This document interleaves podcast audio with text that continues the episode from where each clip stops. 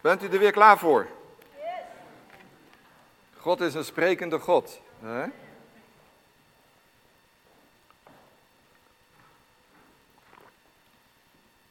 Ik wil met u naar het boek Leviticus. En dan naar Lucas.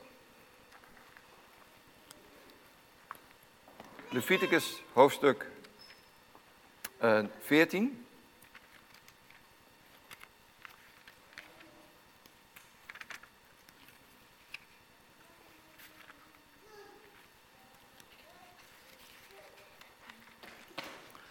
Leviticus hoofdstuk 14. En dat gaat over de, de wetten voor de reiniging van de melaatsheid. En dan lezen wij van vers 1 tot en met uh, eh, 9. Dus Leviticus hoofdstuk 14 en daarna mag u Lucas 5 opzoeken. We gaan eerst lezen uit Leviticus hoofdstuk 14. En de Heer die sprak tot Mozes, dit is de wet voor de melaatse op de dag van zijn reiniging. Hij moet naar de priester gebracht worden en de priester moet buiten het kamp gaan. Hij heeft de priester vervolgens gezien dat, zie, de zieke van de, melaatse, van de melaatsheid bij de melaatse genezen is, dan moet de priester opdracht geven dat men voor hem die gereinigd wordt, twee levende, reine vogels neemt. Zederhout, karmozijn en hyssop. De priester moet dan opdracht geven dat men de ene vogel slacht boven een aarden pot met bronwater.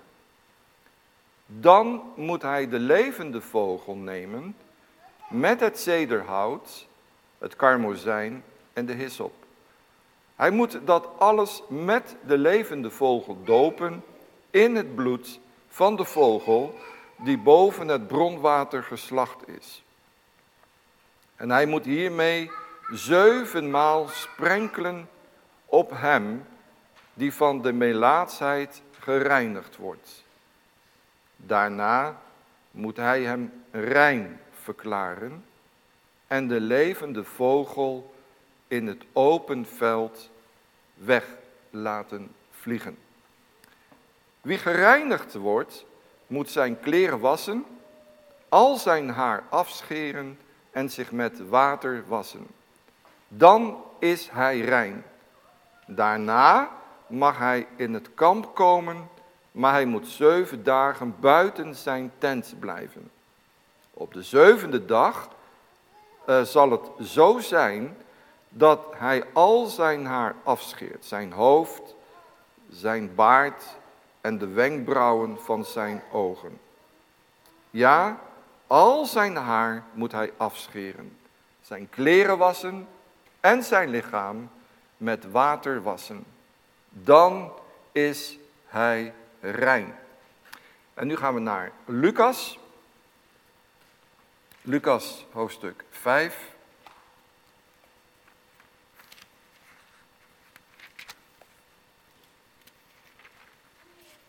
Lucas hoofdstuk 5. Vanaf het twaalfde vers.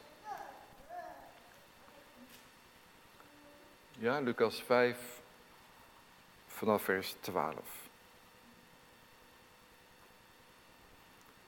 De reiniging van een melaatse. En toen hij in een van die steden was, gebeurde het zie dat er een man vol melaatsheid was. En toen hij Jezus zag, wierp hij zich met het gezicht ter aarde en bad hem, Heere, als u wilt, kunt u mij reinigen. En hij, Jezus, stak zijn hand uit, raakte hem aan en zei, ik wil het, word gereinigd. En meteen verliet de melaatsheid hem. En hij beval hem dat hij het aan niemand zou vertellen. Maar ga heen, zei hij, laat u zelf aan de priester zien en breng een offer voor uw reiniging, zoals Mozes bevolen heeft, tot een getuigenis voor hen. Het gerucht over hem verspreidde zich echter des te meer en een grote menigte kwam bijeen om hem te horen en door hem genezen te worden van hun ziekten. Maar hij vertrok naar de woestijnen en bad daar. Tot zover. Mijn thema vanmorgen is zo vrij als een vogel. Mensen die een verdachte huidziekte kregen in het Oude Testament, maar ook in het Nieuwe, die werden heel omzichtig behandeld. En er werd heel omzichtig mee omgegaan. Nu, de wetten van Mozes die we net hebben gelezen, geven duidelijke richtlijnen hiervoor in de hoofdstukken van Leviticus 13 en 14. Zij moesten onder andere in absolute afzondering leven buiten het kamp van de gezonde mensen. En ook in de dagen van Jezus werden deze mensen, zodra ze ziek werden, uit de gemeenschap gestoten. En we lezen dit even zo en even in de Bijbel, maar als je daarover gaat nadenken, wat voor een emotionele, psychische catastrofe dat is voor die mensen, nou daar wil ik over nadenken vanmorgen met u. Wat doet dat met iemand als die ziek wordt en buiten de gemeenschap wordt gestoten? Wel, er zijn verschillende Bijbelvertalingen die zowel in het Oude Testament als in het Nieuwe Testament spreken over melaatsheid. Nu in de grondtekst staat daar het woordje tsaraat. Wat staat voor melaatsheid? Tsaraat. Ook wel kwaadaardige huidziekte, waaronder eczeem, psoriasis. Nou, dan kan je dat eigenlijk allemaal onderscheiden. En het Griekse woordje lepra wordt meestal met melaatsheid vertaald. Nu de NBV-vertaling, en dat is eigenlijk ook het enige wat de NBV-vertaling goed heeft gedaan, heeft een ander woordje gekozen en wel het woordje huidvraat. En dat komt eigenlijk veel dichterbij de waarheid. Huidvraat is een veel betere vertaling van het Hebreeuwse woordje tsaraat. Omdat met dit woord geen lepra of melaatsheid wordt bedoeld. Dit komt omdat het woord huidvraat volgens bijbeluitleggers in, van het Oude Testament ook de spulletjes in huis, zoals bijvoorbeeld, uh, ja wat hadden ze, kamelenzadels, uh, stoffen goederen, uh, kleding en noem maar op, kon aangetast worden door huidvraat. Maar dan in de betekenis van schimmel. En dat is heel wat anders als melaatsheid of lepra. Nu, hoe is dat eigenlijk allemaal zo gekomen in Israël? Nu hebben de troepen van Alexander de Grote hebben lepra meegenomen vanuit India naar Israël. En zo is het eigenlijk ook in Israël terechtgekomen. Nu in het gedeelte wat wij hebben gelezen gaat het waarschijnlijk om lepra. En het is ook niet zo vreemd dat deze ziekte zeer besmettelijk was en eigenlijk nog steeds is. Alhoewel het nu goed behandeld kan worden. De ziekte lepra is ook wel bekend als de ziekte van Hansen. En naar de ontdekker van deze kwaadaardige bacterie. Nu, deze bacterie die nestelt zich bij voorkeur eh, in oppervlakkige gelegen delen van ons lichaam. Zoals de huid, denk aan de slijmvliezen van neus, mond, keel. En daar wil deze bacterie zich nestelen en daardoor ontstaat ook de besmetting. Nu uiteindelijk ontstaan er na de besmetting uh, lichte plekken op de huid. Overal, de armen, buik, rug. En die lichte plekken worden op een gegeven moment bobbels. En als dat niet behandeld wordt, dan gaat dat zich verder uitbreiden en het tast uiteindelijk ook de zenuwen aan, waardoor je eigenlijk helemaal geen pijn meer voelt en vandaar we ook die vreselijke verminkte lichaamsdelen zien, waarvan de vingers weg zijn en de tenen, de voeten helemaal misvormd. En dat komt doordat de huid is aangetast door infecties, maar men voelt dat niet meer. Dus die infecties, dat vreet door tot op het bot. Ja, wat eigenlijk ook weer dat bot aantast en afsterft. En van de ene ellende kom je in de ander. Het lot van lepra-patiënten, van lepra-patiënten was en is nog steeds onzeker. Verschrikkelijk. Alleen gelukkig wordt het nu wel met, met antibiotica, kan het wel goed uh, verholpen worden. Nu, behalve lichamelijk, was er ook een enorm psychisch lijden. En ik denk dat dat psychisch lijden veel groter was dan alleen maar, ja, alleen maar de huidziekte op zich. En dat was in de tijd van de Heer Jezus veel erger dan vandaag. We zien dat wel eens op, op, op tv, dat je dorpen hebt van waar lepra-patiënten zijn, waar ze ook geholpen worden, waar de, de armen en benen uh, worden verbonden. Men krijgt antibiotica, andere medicatie. Maar in de tijd van de Bijbel, of in de tijd van de Heer Jezus, werd men met de nek aangekeken. Ze werden veracht. Ze werden uitgestoten uit de gemeenschap. En zelfs door je dierbaren. Moet je je voorstellen. En ik probeer me dat dan, ook met de voorbereiding, probeer ik me dat helemaal in te leven. Je leefde buiten de samenleving en elk contact met mensen was verboden. Was verboden. En volgens de wet van Mozes moest een melaatse altijd op grote afstand blijven. als een gezond iemand hem of haar naderde, moest die persoon onrein. Ik ben onrein roepen. Iedere keer weer, ik ben onrein. Wat natuurlijk een diepe eenzaamheid en een zwaar psychisch lijden met zich meebracht. Je mocht je vrouw, je mocht je man, je kinderen niet eens meer knuffelen. Stel je voor.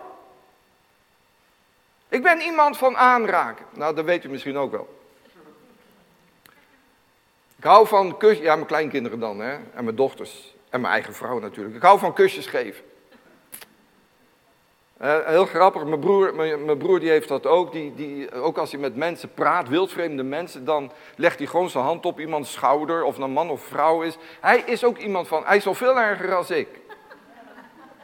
Maar hij bedoelt er niks mee, maar hij is ook iemand die, ja, je hebt van die gestoorde mensen, die hebben dat gewoon. Ja, de een vindt dat aardig en de ander die zegt, hm, wat moet je van me, blijf van me af. Maar ja, goed. Maar goed, ik ben ook iemand van aanraken en ik vind het ook fijn om aangeraakt te worden. Maar ook gewoon in het omgaan met elkaar is het gewoon fijn om elkaar een huk te geven. In het begin toen wij hier in deze gemeente kwamen, was het zo. Hallo, ik ben broeder Heko. Oh, en u bent, oké. Ik denk, oh my goodness jongen. En we kwamen uit Breda en, en dat was echt een, een warme gemeente waar je elkaar een huk gaf. En, en zusters incidenteel ook een kus op, op net, op een correcte wijze uiteraard. dus uh, zoek er absoluut geen verkeerde intenties achter. Laten we dat maar meteen voorop stellen. Maar het was een warme gemeente. En toen vanuit Breda kwamen we hier. Ik denk, mijn hemel, wat een koude douche is dit. Ik denk, als ik hier kom, dan wil ik dat ook meteen, in mijn, wat binnen mijn mogelijkheden ligt, meteen veranderen. Nou, wat de man in Lucas 5 betreft, we weten niet wat hij precies had. Laten we dat voorop zetten. De Bijbel zegt hij was melaats. Nou goed, hij was melaats, laten we daar dan ook maar even van uitgaan. En dat is eigenlijk ook een verzamelnaam van allerlei ernstige huidziekten. Dus melaatsheid is meer dan alleen maar lepra. Het is eigenlijk een moeilijk te definiëren uh, ziekte. Het, het, het heeft te maken met het schilferen van de huid. Maar goed, in dit geval was het lepra. En het leven van deze man verliep gewoon op rolletjes. Stel dat die man de leeftijd had van Erik. Hè? Nou, in de bloei van je leven. Jong gezin, jonge vrouw, alles gaat goed.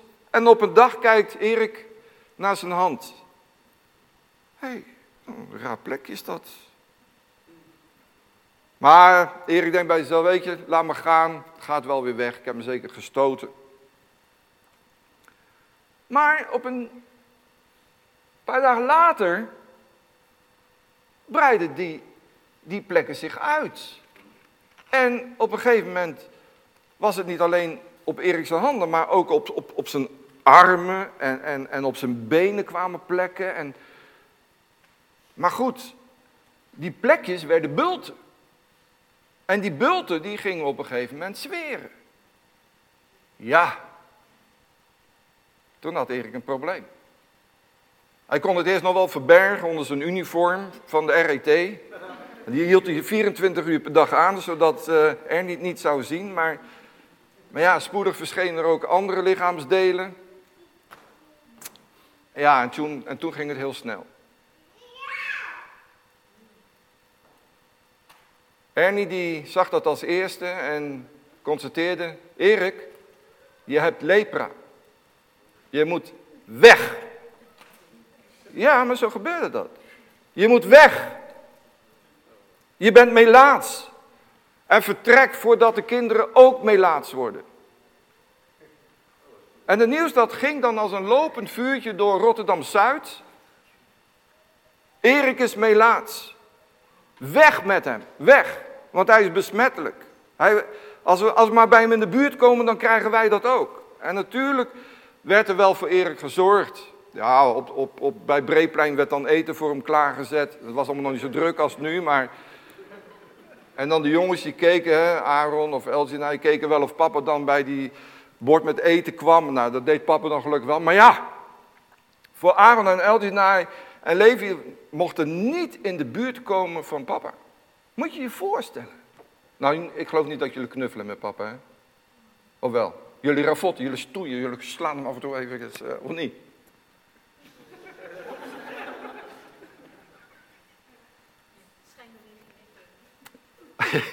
Moeilijk hè? Ja, zeg maar gewoon rustig. Je mag met papa knuffelen hoor. Mag. Hè? Maar ze stonden op een afstand toe te kijken hoe papa, hoe papa at.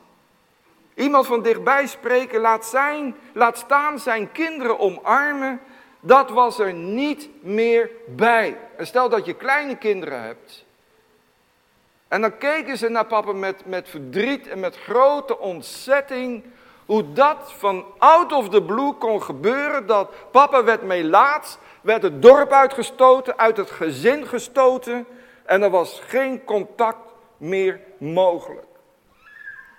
Ja, en wat denk je van het gezin? Ook zijn kinderen kregen natuurlijk heel veel mee. Vriendjes en vriendinnetjes wilden niet meer spelen. Jullie maatjes wilden niet meer met jullie omgaan. Jullie vader is melaats. Ja, en stel je voor dat jullie toevallig ook die bacterie hebben opgelopen. Weet je, wij, wij gaan niet meer samen om hoor. Aaron, Elginai, Levi, jullie blijven daar.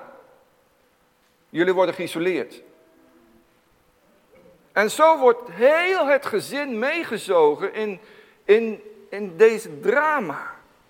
Mensen, maar ook kinderen kunnen elkaar natuurlijk ongelooflijk pijn doen.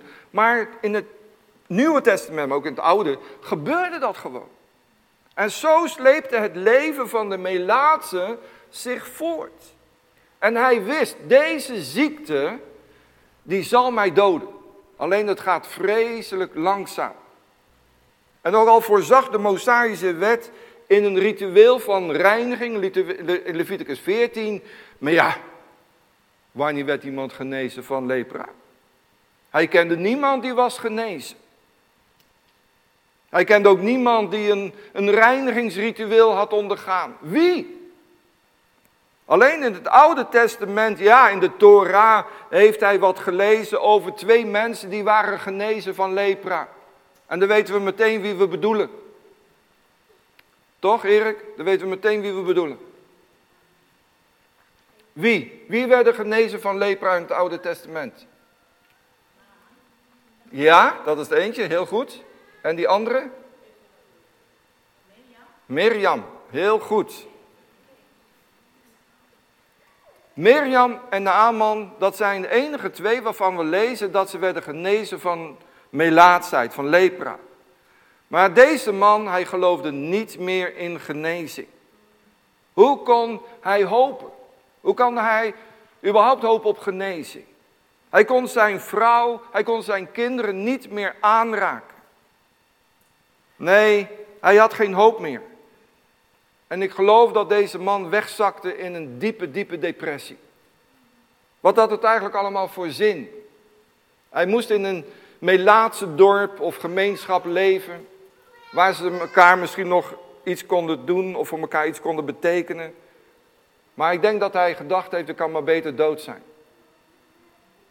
Maar op een dag, op een dag hoorde hij van een zekere rabbi. Een rabbi met de naam Jezus. Jezus van Nazareth.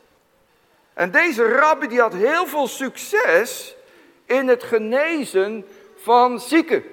En zelfs van mensen die melaats waren. Wel, dat geeft hoop in donkere dagen. En hij moest en hij zou deze Jezus van Nazareth ontmoeten, koste wat het kost. Maar waar was hij? Waar was hij? Waar is, de nou, waar is die rabbi? Want het was allemaal nog niet zo eenvoudig. Hij had geen gemeente waar je naartoe kon gaan. Dan was hij weer daar en dan was hij weer hier. En eh, hij was zo bewegelijk. Dan was hij weer in het noorden van Israël, dan weer in het zuiden van Israël. Maar hij had geluk. Zo zouden wij dat zeggen. Hij had geluk. Hij had geluk. Op een dag kreeg hij bericht dat die rabbi, die Jezus, naar zijn stad zou komen. Prijs de Heer. Dit was de kans van zijn leven. En zo gebeurde het dat hij tegen alle regels en wetten in naar Jezus toesnelde. En hij viel voor de Heer Jezus op de grond. En hij smeekte of hij hem alstublieft wilde genezen van deze melaatsheid. Wat een explosie van emoties. En dan die smeekbeden. Indien u wilt, kunt u mij reinigen. En ik kan me voorstellen dat de Heer Jezus deze man bewogen aankeek. En misschien was het even stil. En terwijl die man op zijn knieën lag, gebogen houding, met die vraag, indien u wilt, Heer Jezus, was hij in afwachting. Wat zou Jezus doen? En die stilte leek wel een eeuwigheid. Maar Jezus, hij raakte hem aan en zei, ik wil het. Word rein. Maar let op wat Jezus deed. Wat hij absoluut nooit had mogen doen. Hij raakte deze Melaatse man aan. En volgens de wetten van Mozes was Jezus nu zelf onrein. Maar de Heer die legt alle rituelen, alle wetten legt hij terzijde. En hij helpt deze man die in nood is. Zijn hart was bewogen over deze Melaatse man. En als Jezus zijn heerlijkheid toont, dan gaan vele harten open voor zijn koninkrijk. Gelooft u dat? Weet u, de handoplegging, die aanraking van Jezus, moet al een bijzondere vertroostende ervaring zijn geweest. Iemand raakt mij weer aan.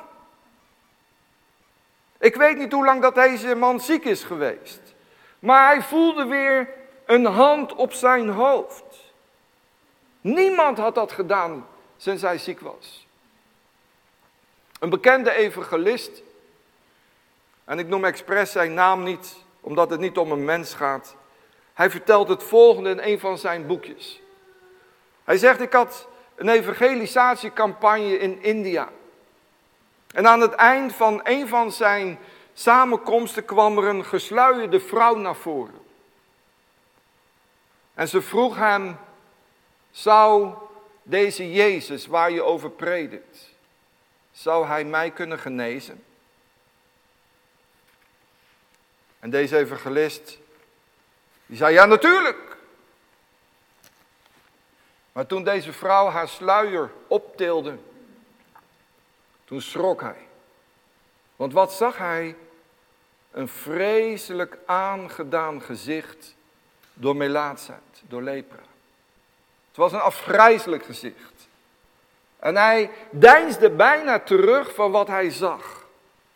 Maar goed, hij herpakte zich om, om deze vrouw die vol zat met schubben, van, als, als van een vis, om, haar, om met haar te bidden. En ze vertelde dat ze uit haar huis was gestoten. Ze woonde in, in, een, in een schuurtje ergens op het erf.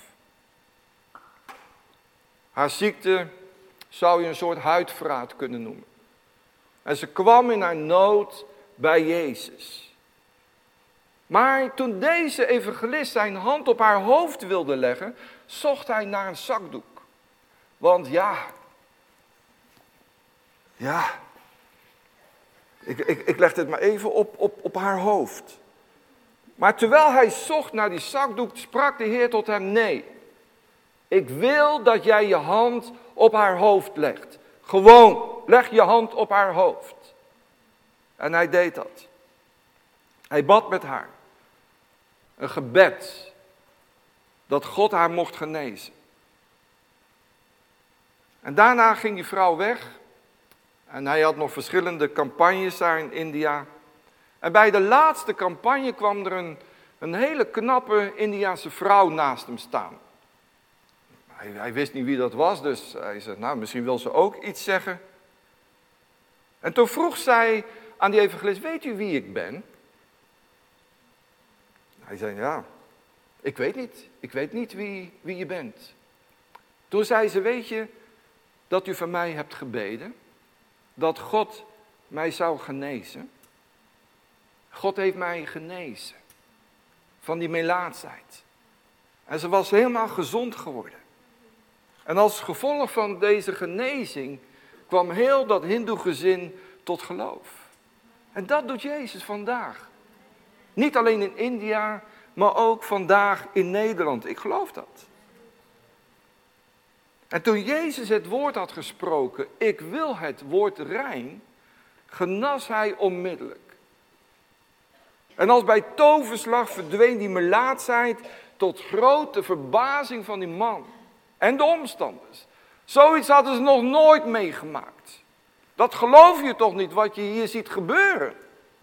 En de man die sprong op, uitzinnig van vreugde. Ik ben genezen. Ik kan mijn vrouw weer een omhelzing geven. Ik kan mijn kinderen weer knuffelen. Ik kan ze kusjes geven zoveel als ik wil. Oh, halleluja. En hij ging weer met zijn gezin naar huis. Wat een feest. Het feest van het leven.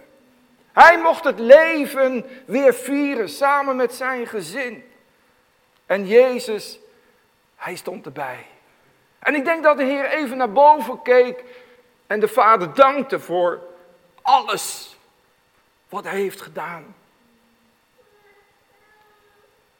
Weet u, de man dankte de Heer Jezus en hij ging met zijn vrouw en gezin weer naar huis. Zo vrij als een vogel in de lucht. Halleluja. Weet u, die twee vogels, en daar kom ik nu even op terug van Leviticus.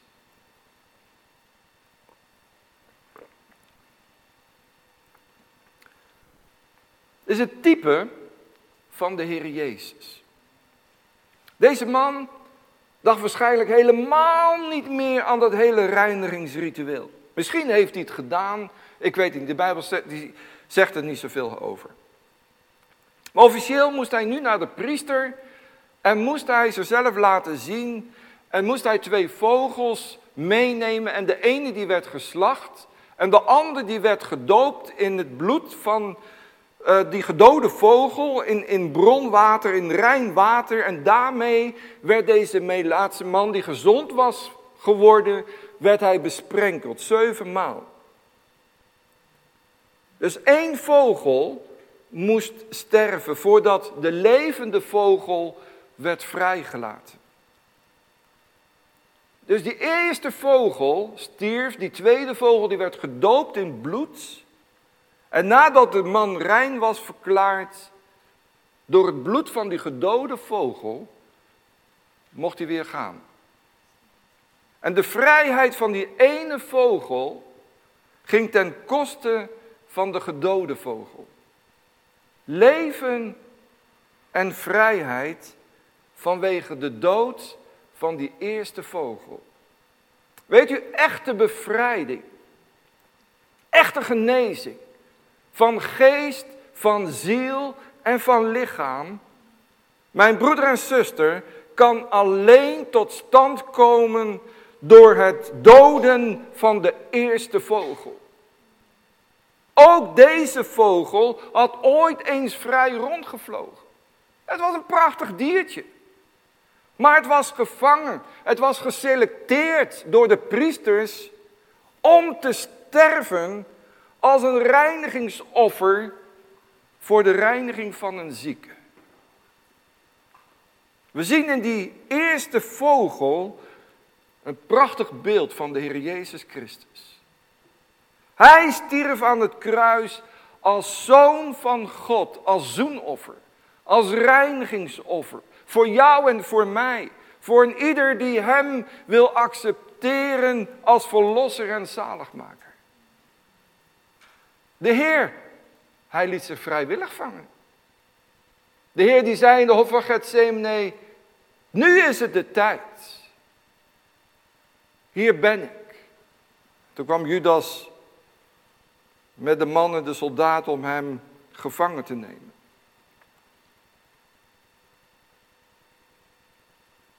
Weet u, jij en ik hebben pas echt deel aan het leven en zijn genezing van geest, van ziel en van lichaam.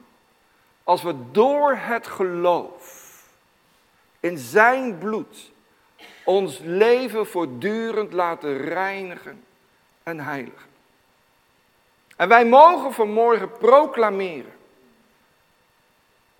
Het bloed van Jezus Christus reinigt ons van alle zonden en van de vloek van de zonde, van straf en van elke gebondenheid. De Heer die reinigt niet alleen van lepra, maar hij reinigt ook van zielepijn. Hij maakt dat we ook lichamelijke pijn bij de Heer Jezus mogen brengen. Hij is die eerste vogel die voor ons stierf. En wij mogen door het bloed van het lam, mogen wij die genezing ontvangen. Wij mogen ons daarna uitstrekken. En we mogen voor de Heer neerknielen en zeggen, Heer, ook ik, Heer, heb uw genezing nodig. Weet je ook, hier kunnen mensen zijn die de vloek van de dood op hun leven ervaren. En je kan het heel letterlijk nemen. Bijvoorbeeld als er een vloek over je leven is uitgesproken. Vorige week zondag sprak ik smiddags in de samenkomst in Wateringen een echtpaar, een hindoe-echtpaar, ex-hindoe-echtpaar. Wat eigenlijk tot geloof is gekomen, omdat er een vloek, een hindoe-vloek over hun leven is uitgesproken, wat zeven mannen het leven moest kosten. En de vloek zou bij hun oudste zoon plaatsvinden. En de duivel die was al bezig om hem te vermoorden, want hij wilde zelfmoord plegen. Hij wilde onder een trein springen. Een jonge man, vliegtuigpiloot, goede opleiding. Op 28-jarige leeftijd was hij klaar met alles. Hij had diverse strepen. Hij wilde overgaan van één vliegtuigmaatschappij naar KLM. Hij kon niet meer aan de bak komen. Alle deuren gingen dicht. En hij was de wanhoop nabij. Hij zei, hoe kan dat nou pa? Maar hoe kan dat nou? En dan gingen ze maar weer dat kamertje, de hindoe-kamertje waar al die beelden staan. En dan gingen ze nog maar weer eens bidden tot uh, weet ik veel wat voor afgod. Maar het werd steeds erger, werd steeds erger. En deze man die raakte in een depressie. En hij zei, het heeft geen zin meer, ik maak er een eind aan. En toen kwam er een buurvrouw die de Heer Jezus kende. En die bracht hen in contact met Jezus Christus. En die moeder die was natuurlijk de wanhoop nabij en, en, die, en die vroeg deze buurvrouw, wat moet ik doen? Wat moet ik doen? Toen zei die vrouw, vraag Jezus of hij zich aan jou wil openbaren. Vraag hem maar. Of hij zich aan je wil betonen als Heer. En dat heeft ze gedaan. En op een ochtend was alleen in de keuken. Toen zei ze, Heer, als u er werkelijk bent, als u Jezus bent, waarvan de buurvrouw heeft gesproken, dan wil ik u vragen om zich aan mij te openbaren. En dat deed de Heer op een hele bijzondere wijze. Ze keek naar de lucht of, of naar de deur en één keer zag ze daar een gestalte. En ze wist, dat is Jezus. Terwijl ze de tegenwoordigheid van Jezus ervoer, gaf ze haar hart aan Hem. En er kwam zo'n bevrijding, er kwam zo'n ruimte in haar binnenste. Dat ze dat ook vertelde tijdens het ontbijt aan haar gezin, haar man en de jongen. En dan had ze had ook nog een dochter. Jezus, ik heb Jezus gezien. En dit hele gezin was zo in wanhoop dat ze alle vier tegelijk tot bekering kwamen. En daarmee werd ook die vloek verbroken. En weet je wat gebeurde? Hij kreeg meteen een baan aangeboden bij KLM. Weet u, die vloeken die zijn zo reëel. Die zijn zo reëel. En soms vragen we af, waarom gebeuren dingen niet? Ik bid al zo lang voor iets, of er is iets in mijn leven wat, maar, wat me iedere keer maar weer terugbrengt bij het oude, wat me iedere keer tegenhoudt, wat me stagneert. Het, het wil niet, iets breekt maar niet door. Ik weet niet wat het is. Weet u, kan zijn. Ik zeg niet dat dat het is. Kan zijn. Dat er misschien ooit een familievloek is uitgesproken. En als die niet wordt verbroken, misschien een trauma in uw leven. Dingen die je hebt meegemaakt, waar we vorige week over nagedacht hebben. Die je misschien als jonge vrouw, als meisje hebt meegemaakt. Of misschien als jongen. Weet je, die dingen die kunnen je achtervolgen tot aan je dood. En de Heer die zegt vanmorgen bij monden van de Bijbel, het, het woord van God, het hoeft niet. Het hoeft niet. Want de Heer die is hier om vrij te maken. De Heer die is hier om te genezen. En de Heer die nodigt ons vanmorgen uit om aan de tafel des Heren te zitten en om maaltijd met Hem te houden. Ik sta aan de deur, zegt de Heer, en ik klop. En ik wil heel graag dat je voor me open doet. Hij wil dat wij deel hebben aan het nieuwe leven. Dat we vrede hebben. Dat we rust hebben. Vrijheid. Geestelijke groei. Vreugde. Weet je, veel mensen willen wel geloven. Als ik mensen vraag, wil je wel geloven? Oh ja, ik wil best wel geloven hoor.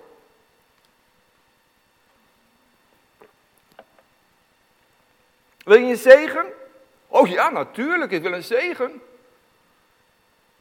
Maar wil je dan ook laten vangen door de Heer Jezus? Wow. Wow, wat zeg je daar? Ga geen gekke dingen zeggen. Hè? Hoezo moet ik me laten vangen door Jezus? Wel, die eerste vogel, die moest ook sterven. Die werd ook geselecteerd om te sterven. Jezus is ons voorgegaan.